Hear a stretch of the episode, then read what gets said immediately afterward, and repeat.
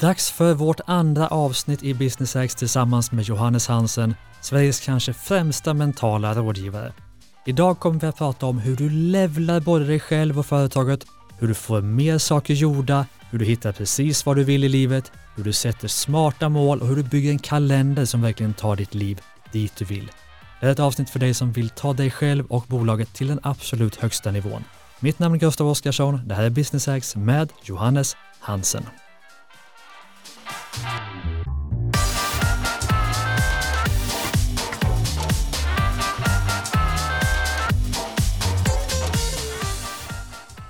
Välkommen tillbaka till Business X, Johannes Hansen.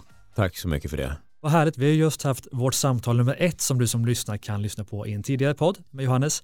Och nu ska vi snacka mer om det som ligger oss båda varmt om hjärtat, det vill säga att både levla oss själva och levla bolagen. Jajamän. Är du pepp? Jag är pepp. Härligt. Mm. Så vill du veta mer om Johannes, om du inte vet exakt vem han är, så lyssna på det tidigare avsnittet så får du veta precis allt om vår historia tillsammans och även om alla, jag måste ändå nämna titlarna på böckerna. Så Ja, ingen missar dem. Vi tar dem igen. Kör dem du, för nu kan du dem. Jäklar. Ja. Jag försökte ju tidigare avsnitt här. Tough Love har vi ju såklart och vi har ju Fuck Your Fears och Starkare och den andra heter Peppa mig eller Flytta på dig. Titta, så jävla snyggt. så? Ja, absolut. Det har det. så gött. Men men, vi ska direkt gå in på det som är viktigt i det här avsnittet och det är att snacka om hur vi kan levla oss själva och levla bolagen. Men du, något som jag upplever, vi har ju träffat båda två tusentals, kanske hundratusentals företagare under dem, i mitt fall i alla fall 10-12 år, jag jobbat inom entreprenörskapet. Och det jag upplever är att väldigt många utbildningar man går, böcker man läser handlar om hur man ska förverkliga sina drömmar, men jag upplever att många fastnar i att de inte vet vad de vill. Hur Mm. kommer man fram, om vi börjar där, hur kommer man fram till vad vill jag egentligen? Ja, det, finns ju, det finns ju lager av den frågeställningen, men jag, Mm. om jag skulle träffa någon som säger eh, rent att, spontant eller ta mikrofonen i publiken och säga jag vet inte vad jag vill med mitt liv, Mm. då skulle jag ju säga det finns bara en av tre kategorier nu, Ja. så du måste välja. Du får berätta för mig vilken du är. Mm. Och så skulle jag säga, är du med? Och så skulle personen säga ja. Och så Mm. skulle jag sagt, den första kategorin är att du vet visst vad du vill. Mm. Men när du ska ta ett första steg så blir det läskigt. Och då låtsas du glömma bort det. Ja. Så det är den absolut vanligaste. Den andra då? Ska vi lösa dem en och en också? Det kan vi absolut göra if- ifall du vill. Men, Ja. men det första då är ju, Ja. då vet du vad du vill. Ja. Och du ska förstå att när du tar steg mot det du inte har gjort tidigare Mm. så kommer ditt nervsystem få panik. Mm. Jag antar att vi kommer att prata en del om rädsla i det här passet också, vi Ja. kan komma in och fördjupa oss i, i det. Men så att den enkla lösningen är, du vet vad du vill. Skriv ner vad du vill när du är inspirerad. Mm. Och sen tar du första stegen trots att du är rädd. Det är den första lösningen. Så det är väldigt konkret. Liksom. Ja. Det andra är ju att du vet också vad du vill. Men det leder till inre konflikter. Det vill säga, när du blir peppad, tänker på vad du vill för någonting, så går du direkt in i ett scenario där du ser framför dig vad som skulle kunna hända om du gör det. Och vi kan bli specifika som till exempel att du vet att du vill plugga Mm. eller sätta igång den här verksamheten. Men det första som händer i ditt ner- nervsystem när du ska göra det är att du tänker på vad någon annan tycker att du borde göra istället. Och i väldigt många fall är det förälder eller partner. Mm. Så vänta nu, jag vill ju driva verksamhet, men tänk om jag inte kan försörja min familj. Mm. Och då istället för att säga jag är rädd för att om jag startar verksamhet så kan jag inte försörja min familj, Mm. så säger du jag vet inte vad jag vill. Mm.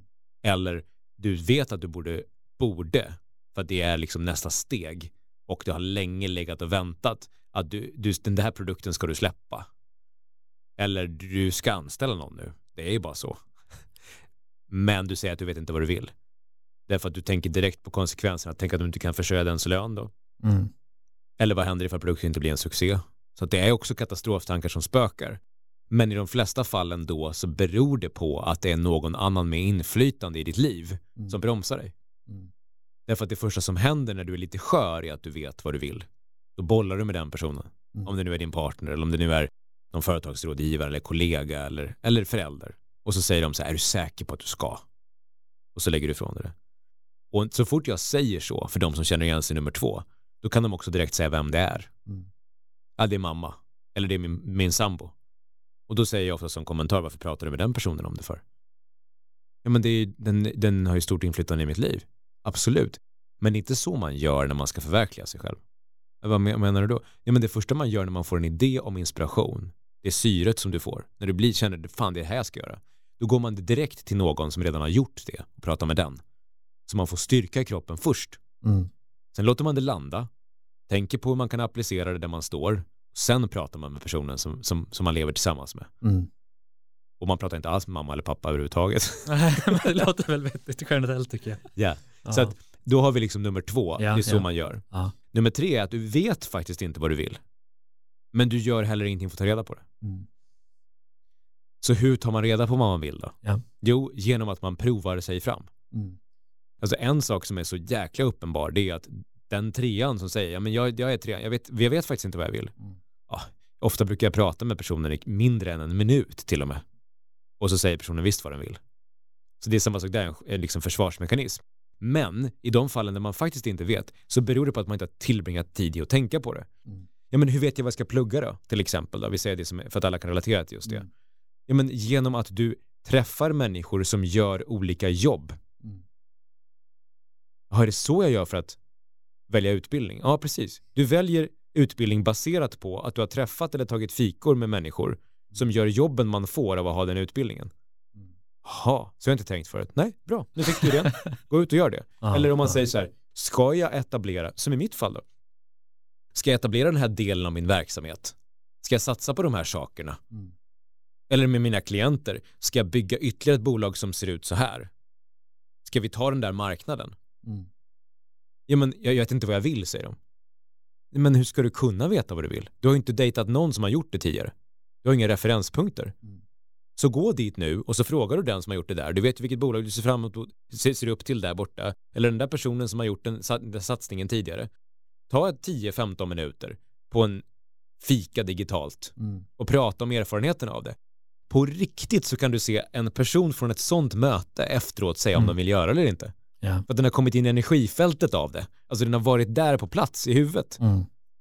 Jag menar en stor, varför jag, jag ofta gör i mina klientprogram så att jag tar de som kommer in, speciellt om det är juniora bolagsbyggare eller artister, det kan vara atlet, alltså människor som kommer in i min värld på olika sätt brukar jag ofta direkt peka mot andra som är läng längre gångna på en framgångsresa i det de vill göra. Mm.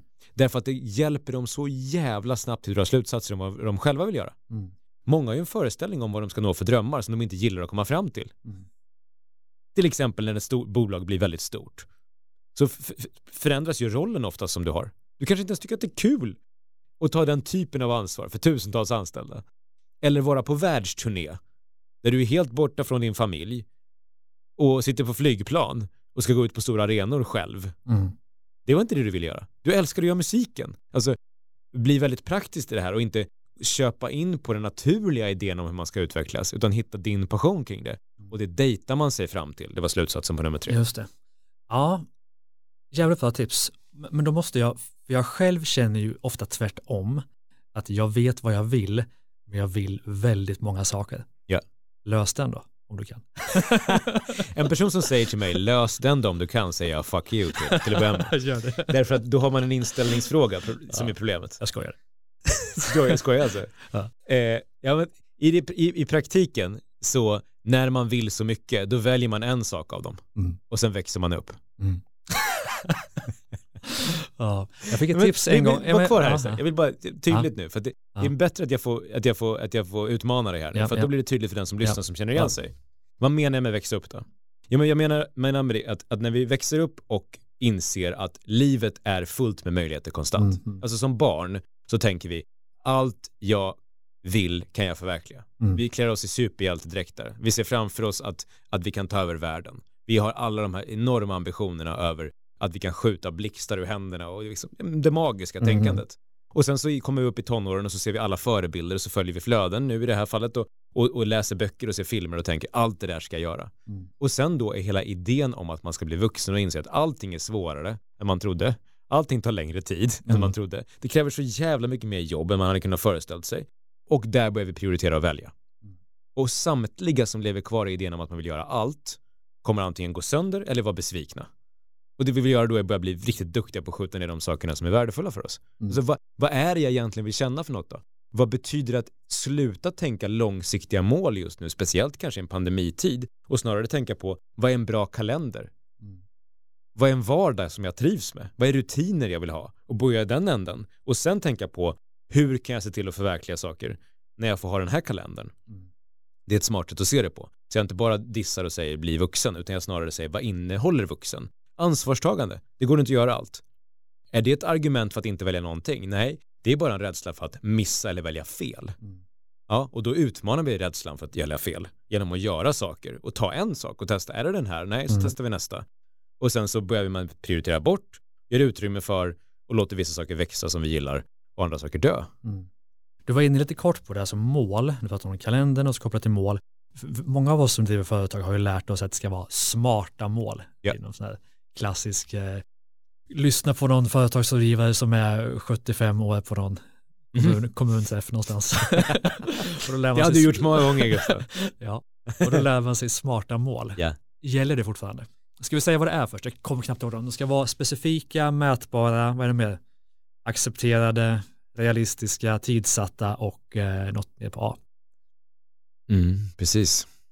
Ja, eftersom jag inte jobbar efter dem på det sättet Mm. själv så eh, kan jag inte svara på det. Det jag däremot kan svara på är hur jag förhåller mig till det. Ja. Och jag tycker absolut att de är aktuella, men jag tycker man ska se på det, man kan googla eh, goal setting frameworks Ja. och så kan man bara direkt få en lista på massor med olika sätt att se på det. Och, och smarta är absolut relevanta, men jag, jag, jag tänker att jag läser mig in på det frameworket som min klient har. Mm. Så någon jobbar redan efter något, oftast. Och sen så läser jag mig in på vad det betyder och så översätter jag det till vad jag ska göra. Jag kan komma till vad jag ska göra. Men, men eh, du vill se på ramverk för målsättning på samma sätt som du ser på träningsprogram eller kostprogram. Finns det en, en lösning? Nej, massor. Mm. Vad är nyckeln? Håll dig till en. Mm. Så välj ett, använd det, gå i mål på det, följ upp det och är du ett team, se till att alla har samma. Det är nyckeln. Då får du jättehävstång, oavsett ramverk. Mm. För ramverket är inte, i, i praktiken är inte innehållet i ramverket, det är att du har ett ramverk. Mm. Produktbolag till exempel använder mycket OKRs, som är ett sånt, som inte ett, ett ramverk som inte handlar om att man behöver uppnå målen på det sättet, utan det är en riktning man går i och så sätter man liksom objektivs på vägen dit. Så det är ett sätt att göra det på. En, en någonting som många läser utifrån managementteori är ju de här Harry Audacious goals, alltså de här Mm. stora, Ja. alltså det är, många entreprenörer gillar ju branschförändrande visioner. Mm. Eller vi ska, vi ska förändra hur man gör det här, konsumera det där. Många av de här Ja. nya tjänsterna i techbolag är ju saker som ska disrupta hela branscher. Liksom. Då går man mer för liksom en vision som är aggressiv och Mm. världsförändrande. Mm. Och det passar många entreprenörsprofiler. Jag själv älskar ju titeln som jag fortfarande har, att förändra världen. Mm. Sen finns det ju massa underrubriker för vad det betyder för mig. Men det är en idé som är stor och som jag, som jag går igång på och har gjort sedan jag satte igång det här. Och jag, jag bryter ju ner den till att den här typen av personlig utveckling och innehåll har ju förändrat min värld. Mm. Bara, av att sitta i en föreläsning och höra någon säga mod är ingenting du föds med eller, eller har eller saknar. Mm. Utan det är någonting du kan utmana dig själv till att kliva förbi de väggarna du ser och att det är trösklar. Fick ju mig att börja dra slutsatser som att du ska, det ska vara obekvämt. Mm. Så bara förflyttningen från att, att det här är obekvämt för mig och så säger någon så här, "Ja, men det är klart att det är det. Det ska det alltid vara. Och sen inse till slut då att mod är en muskel som du kan träna upp. Det förändrade min värld. Mm. Jag såg mig själv som blyg, slutade se mig själv som blyg, utan såg mig själv som otränad. Mm. Och det älskar jag som framework för det jag håller på med själv, att jag förändrar en värld, liksom, genom Mm. att jag skapar en infrastruktur av idéer. Liksom. Mm. Så att slutsatsen är ju snarare, använd ett ramverk som du går i mål på. Mm. Och sen skulle jag säga att det jag tycker om när jag jobbar med klienter är regelbundet jobba efter strategiska prioriteringar. Alltså det vill säga, för att nå de målsättningar du har, vad är key? Alltså utifrån de här dominobrickorna som måste slås ner för att kunna komma i mål. Mm. Alltså vad måste du ha top of mind? Mm. Så att när skit händer, vilket det alltid gör, och stora problem kommer rakt framför dig, samtidigt som du löser kriser och brandsläckning, vad måste du ändå gå i mål på? Mm. Oavsett, liksom kompromisslöst. Mm. Men jag skulle ändå vilja fördjupa mig lite mer i den, för du träffar ju du träffar tusentals entreprenörer som har lyckats eller mindre väldigt, väldigt väl. Ja. Kan du se någon skillnad på de som lyckas absolut bäst kopplat till målsättning? Ja. Vad? De använder sin kognitiva funktion, alltså de tänker. Eh, Och med tänka menar jag på att de tänker lager. Mm. De lägger bra planer. Mm. Det är vad som händer. Sen är det inte alltid att de själva gör det. Många av dem orkar inte tänka så, Mm. utan har ett enormt driv, men fattar att de inte kan tänka eller Mm. bryr sig om att tänka så. Så de tar in en kollega som ganska snabbt börjar rita upp det på det sättet. Mm. Och de har respekt för planer. Så det är insikten, antingen har man själv den kognitiva höjden, att man Ja. tänker i lager och fattar komplexitet. Ah, Bolag är komplexitet, ju större de blir, ju mer komplext. ja. Så antingen har man respekt för andras insikt i komplexitet som man själv saknar och säger Mm. ja det får ni lösa för jag har fan ingen aning om vad man gör. Just det. Eller så gör man det själv. Kan det vara så, det har jag tänkt ganska mycket på, apropå smart och Ja. smarta, kan det vara Ja. så att entreprenörer som är för smarta, för duktiga på mycket, har Ja. en tendens att lyckas sämre? Absolut. Men det har att göra med självdistans. Så Ja. det är inte, det är inte det. Jag skulle inte säga att jag kan inte bedöma utifrån, även om jag har träffat så otroligt mycket människor Ja. även haft de här träningsprogrammen. Mm. Det, det går inte att göra den, typ, dra den typen av så pass specifika slutsatser av det. Mer än det går att säga människor med självdistans som fattar att de måste kompletteras tenderar att bli väldigt framgångsrika oavsett vad de gör för någonting. Därför att de, de identifierar sig själv med ett team som lyckas. Mm. Inte med sig själv som, som eh, självuppfyllande eller som den stora liksom, ledaren. Utan de fattar att säga, ah, jag kanske behöver vara en funktion. Tänk bara på mitt egna personliga varumärke. Mm. Jag kanske behöver vara eh, det personliga varumärket och ansiktet utåt. Mm. Eller jag är den visionerande ledaren för bolaget. Men jag kan omöjligt skapa det jag vill göra om jag inte har andra som kompletterar mig. Mm. Intressant. Men du, i det tidigare avsnittet så var vi inne lite på vanor, både dåliga och bra vanor. Det finns ju ganska mycket forskning kring hur man bryter dåliga vanor och hur man ersätter dem med bra vanor. Ja. Vad är dina viktigaste insikter kring det? Att man ska ta till sig den forskningen. Okej, och vad är den forskningen? då? Så här, insikten är ju att förstå först Ja. hur avgörande rutiner är Ja. för att må bra. Mm.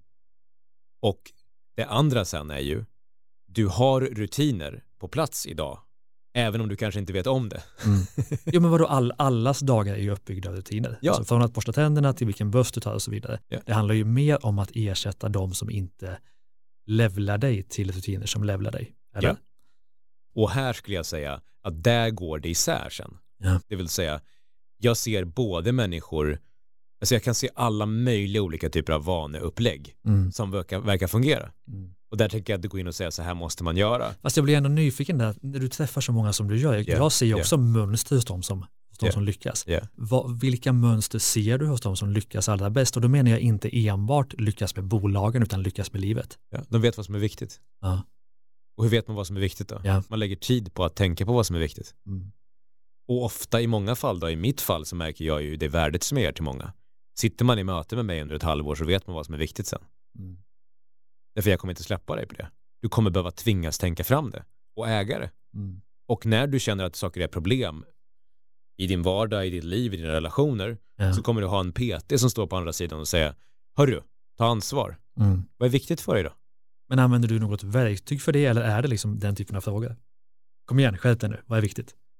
Ja, men om man säger så här, det är klart att jag står på en massa olika typer av teorier och baser här. Mm. Men vad blir slutsatsen? Ja. Det där. Ja. Det vill säga, det finns ett, jag skulle inte se mig själv som att jag är kartskaparen Mm. för saker, eller metodutvecklaren. Jag skulle se mig själv som att jag är skitduktig på att navigera. Mm. Det är vad jag är. Så därför går jag in oftast i befintliga ramverk. Men med det sagt då, vad är exempel på rutiner du vill få på plats? Mm. Du måste regelbundet titta på vad som är viktigt. Eh? Prioritering då, så sätt det som en rubrik. Okej, prioriterar inte veckovis, utan dagligen. Därför att saker och ting händer hela tiden. Vad är viktigast just nu då, för mig? Mm. Det andra är, som jag tycker utifrån ett stressperspektiv som är sjukt inspirerande, det är träning. Det är inte bara så att du tränar för att må bra och alla de andra effekterna. Mm. Det är också för att du berättar för ditt nervsystem när det ska vara stressat. Mm. Så ifall du pushar dig själv på gymmet till stressnivå, Ja. så att du tar i hårt, då säger du till kroppen, nu ska du vara hotad. Mm. Och så lägger det sig sen. Och då kommer du inte aktivera samma stresssystem när saker och ting smäller i verksamheten. Eller när saker inte blir som du vill. Så du menar att när du kör ett jäkligt hårt träningspass Ja. så övar du kroppen på att hantera stress i vardagen? Ja. Det är Den blir sant. bättre på att koppa med stress. Den Ja. blir inte bara bättre på att spola ut kortisol, vilket man blir av träning automatiskt. Mm. Men framförallt så hjälper det att nu har vi stresspiken idag. Det är lite som att du går upp och kroppen tänker jag ska tävla idag med någonting. Jag har Mm. energi i systemet, jag har vilat ut. Mm. Ja, okej, vi använder den här typen av ag- aggressivitet på gymmet. Mm. Och sen så är vi ganska mellow och härliga resten av tiden. Ja.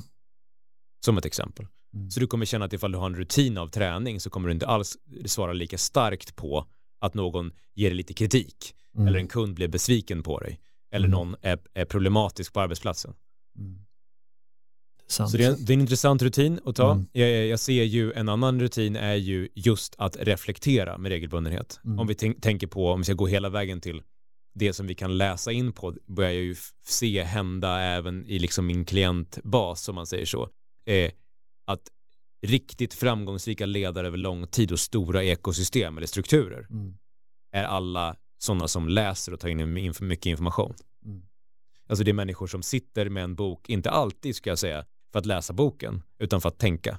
Mm. Så du börjar läsa någonting för att de, det, det du läser triggar tankebanor som får dig att dra slutsatser kring det du håller på med. Så du tar in och inhämtar information, ganska mycket tid. Ja. Alltså rejält mycket tid. och vad är mycket tid? Jag skulle säga att i liksom förberedelser och sittandes med en bok eller en, en eh, så här vara på gymmet för att du ska förbereda mötet imorgon där du ska tänka på det. Alltså, må många gör det ju inte aktivt när de sitter framför en tom bänk utan de så här, nu ska jag gå ut på promenaden eller sådär. Då ska jag säga men 10, 15, ibland 20 timmar i veckan. Mm. Eftersom jag är med i kalenderdesign. Mm. Det är väldigt mycket tid och då tänker du, alltså funkar det lika bra att kolla på ett, ett TED-talk eller en YouTube-video som att läsa en bok? Eh, I praktiken, ja. Beroende på vad du ska göra. Ja, intressant. Men det är en annan sak som vi bara måste snacka om som vi får så väldigt mycket frågor om. Det är hur jag får mer gjort på mindre tid. Vi, I det här passet så har vi varit inne på att veta vad som är viktigt. Mm. Du ska få mer gjort på mindre tid, då vill du ju först veta vad som är viktigt. För känslan av att du får mer gjort är att du har skjutit ner de stora sakerna. Ja. Så det ena är ju den praktiska planeringen av vad som är det viktiga. Mm. Så att, det har vi varit inne på. Rutinen Ja, ja. av prioritering. Hur får du det gjort då? Jag skulle säga att varför vi skjuter på stora komplicerade uppgifter är för att vi stressar en stor del av tiden. Vi går back to back mellan grejer och det är jobbigt att ställa om hjärnan för att tänka långsiktigt och mer lite djupare. Alltså se sammanhang och så vidare. Och där skulle jag sätta upp rutinen av att till exempel har förmiddagar helt blockade för att ha möjligheten att ta sig an komplicerade uppgifter. Som ett exempel, ett par stycken i veckan. Nu kan du gå in i, utan att kolla någonting först, Mm. rakt in i en svår eller komplicerad uppgift. Det är smart att tänka så.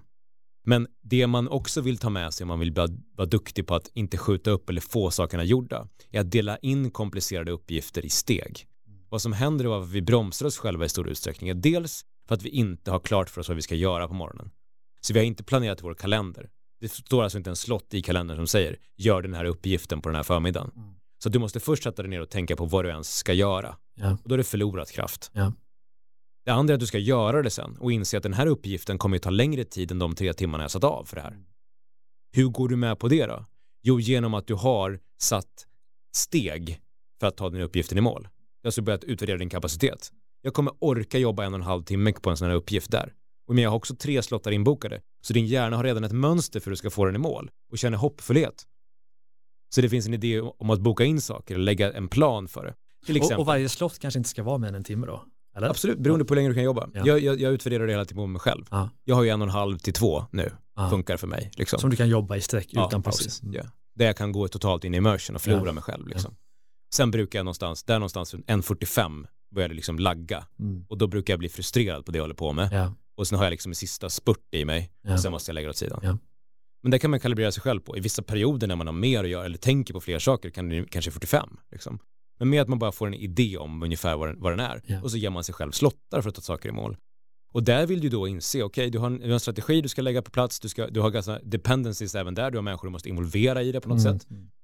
Så skulle jag boka upp allting. Aha. Och det är för att jag jobbar med PAs i människors liv och har ett team själv som bokar min kalender. Mm.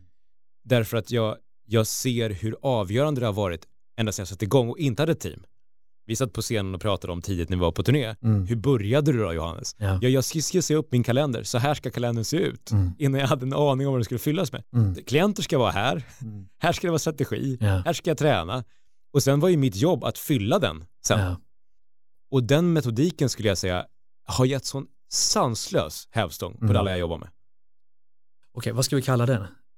Ja, men schemaläggning. Ja, men schemaläggning, men just det här att, att bygga sin kalender innan den finns. Så, så här ska min kalender se ut om ett år. Ja. Ganska spännande. Absolut, men det, men det är också ett så otroligt konkret och praktiskt perspektiv när det kommer till hur vi bygger ett liv. Det och det är så man får en vardag som är nice. Ja men absolut, och det är ju ett mer spännande sätt att sätta mål på. Vi kommer tillbaka till det. Jag kan tänka smarta mål, absolut, men att tänka så här, exakt så här vill jag att min kalender ser ut efter sommaren. Ja. Det är fantastiskt. Yes, och sen har vi nästa steg som är att det handlar om att, eh, om man ska kalla det för enforcare då, eller se till att ja. det blir så. För nu kommer vi in under temat att få vara produktiv eller få ja, mycket saker ja. gjorda. Eh, äg din kalender, kommer jag ju säga nu då. Mm. Det är min brygga liksom. Därför att jag skulle säga att många småföretagare säger att de inte kan kontrollera sin tid. För det är brandsläckning, kunderna ringer eh, och vi har problem och du får inte tillåta andra människors akuta känslor i kroppen bli dina akuta känslor. Då är du körd igen. Då är du stressad och kan inte tänka längre. Så du ska absolut kunna vara tillgänglig på något sätt, men på dina villkor. Det här är superviktigt. Men det är det för vem som helst som jobbar. Varför ser vi människors liv som inte går ihop? Varför ser vi utmattning? Jag menar, pratar du med vem som helst som inte säger att de får sitt liv att gå ihop och säger att man måste bli bättre på att säga nej. Uh. Ja, men träna på det då. Hur många gånger har du sagt nej senaste veckan? Nej, inte alls. Det går inte. Varför går det inte att säga nej? Nej. Så säger man nej. Nej. ja. det, det, blir liksom nästan patetiskt. Mm.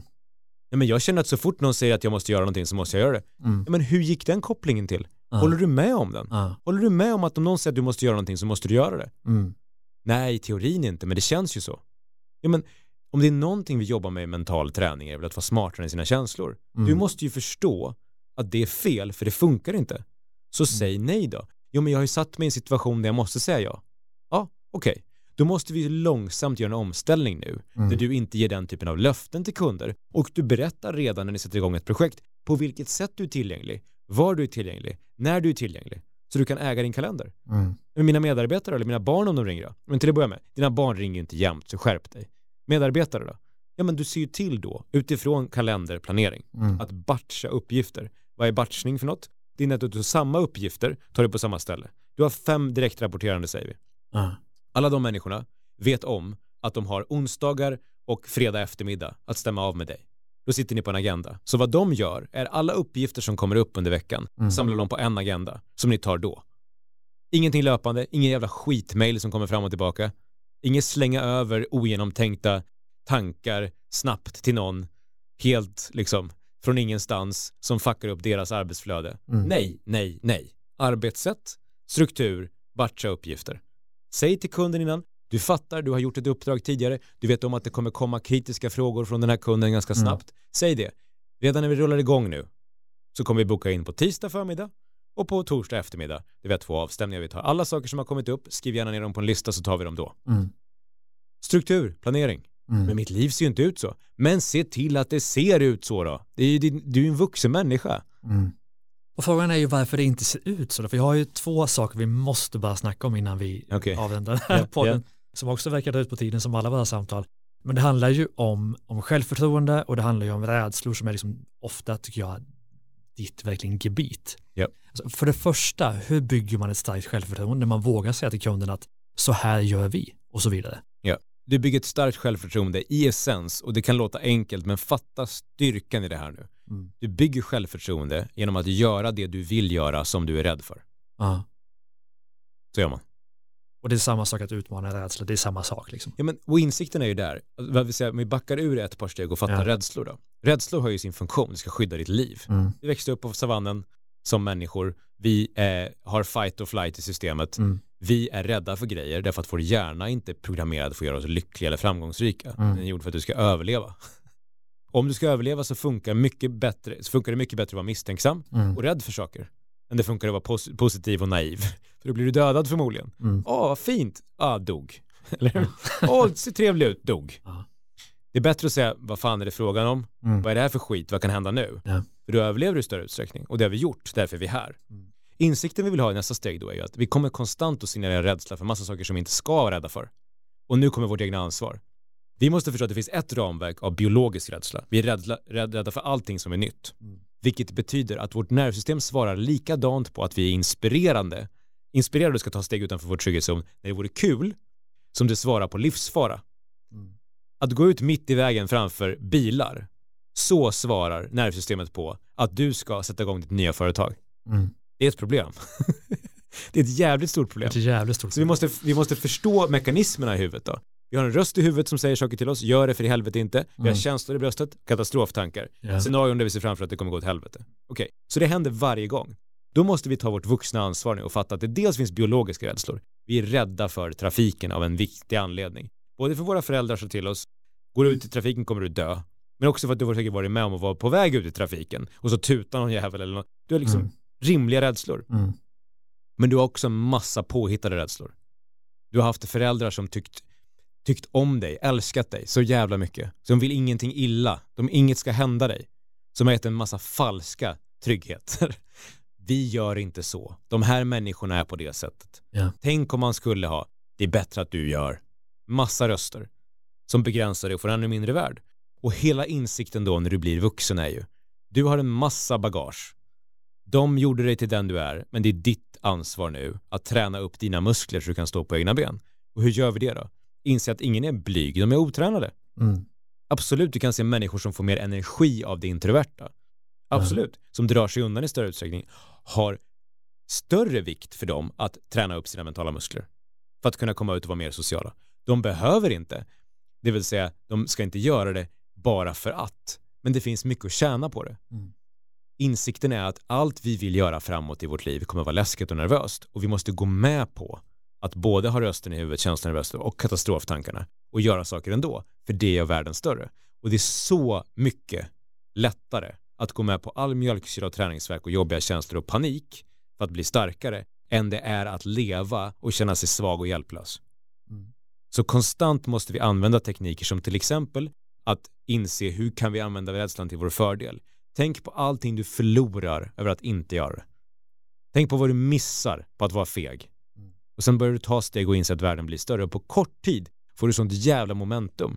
Så du känner på riktigt hur du i hela ditt nervsystem blir starkare. Mm. Och det vill du använda för att slå in ytterligare barriärer och ta steg och så vidare. Sen kan du såklart ta risker som är korkade, Mm. överstyr. Det handlar inte om att vara osmart och alltid kasta sig ut.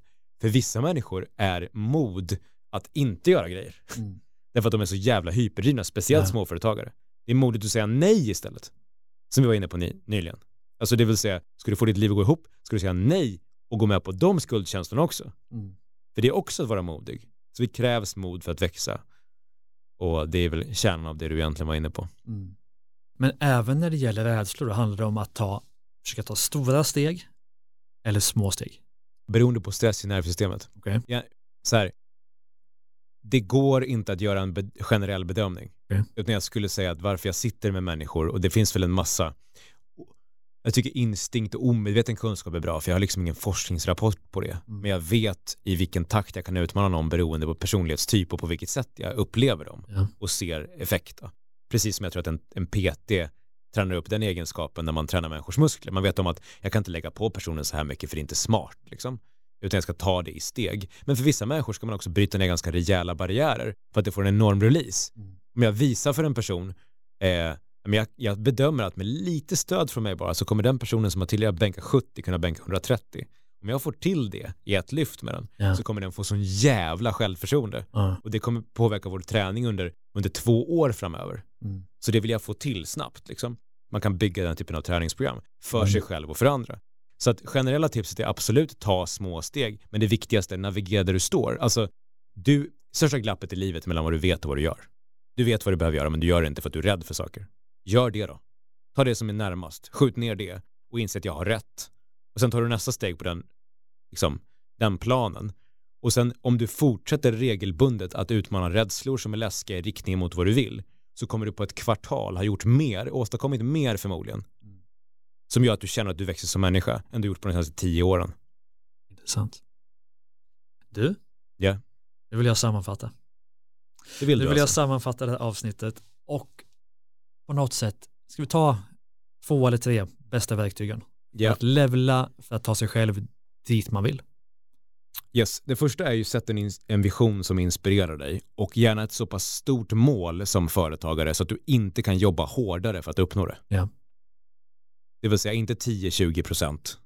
Inte lite förändring så att, du, så att du helt plötsligt får för dig jag måste jobba 10-20 procent hårdare. Nej, så stort mål så att det inte går med egen maskin att göra det. Du måste ha team och andra människor. Och då kommer du också direkt utvärdera en affärsmodell som faktiskt fungerar. Det är det första. Ja. Sen var modig, gör saker som är utanför din trygghetszon. Du vill både uppleva nya saker, nya människor, att du själv kan ta dig an den typen av vikt du inte trodde, för det kommer leda till att du själv blir en ledare. Vad är det vi vill få alla människor som vi pratar med ska utveckla organisationer? Det är att få dem att växa. Om du är en person som går först där så kommer de få en energi av att bara titta på dig. Och det är ju otroligt underskattat. Det är därför man vill bygga karaktär som chef. Om du har bra karaktär själv, säger ja och nej, prioriterar, ställer krav på människor, så kommer de känna jag kommer fan inte undan här. Det är en stark person. Jag blir inspirerad av den här människan. Jag vill också vara sådär. Mm. Den fattar också vad den inte kan. Men titta på all frustration från människor som jobbar med chefer de inte gillar.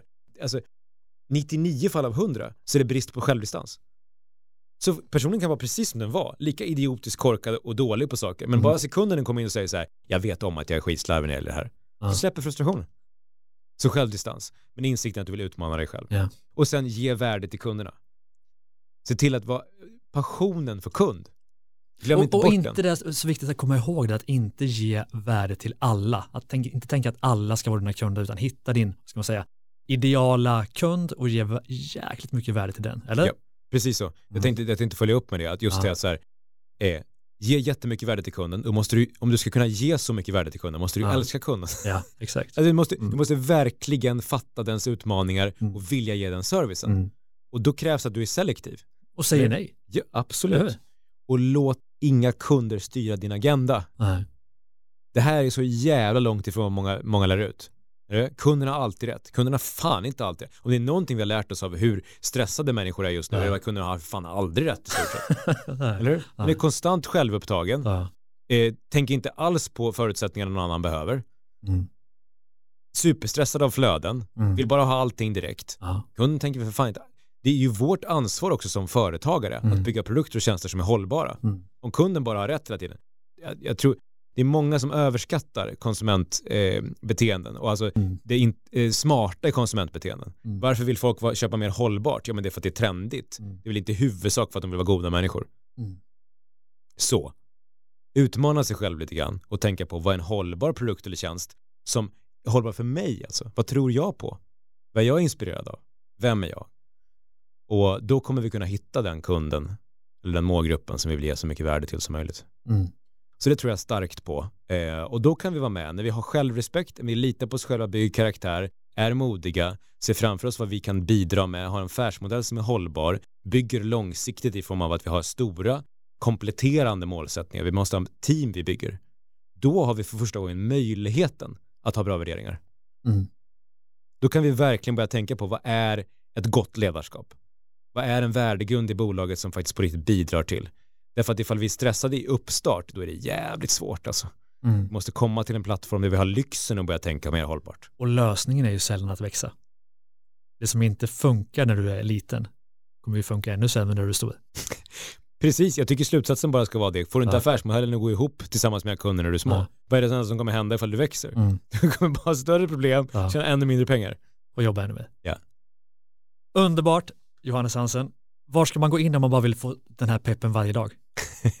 gå in på johanneshansen.com och sen tittar du på podden tycker jag är smart att gå in. Sen kan man även följa flödena eh, på Instagram och Facebook. Såklart. Och köpa böckerna måste man göra. Jag har ju tre av fyra, nu ska jag på en gång gå in och köpa den fjärde om jag inte kan snika någon ur en väska, det får vi se. Men min varmaste rekommendation till dig som lyssnar är att köpa alla Johannes böcker naturligtvis. Stort tack för idag Johannes. Tack själv. Och stort tack till dig som lyssnar på Business X. Lyssna också på våra andra poddar Ordinary People Who Do Badass Things och Starta Eget-podden. Stort tack för idag. Ciao!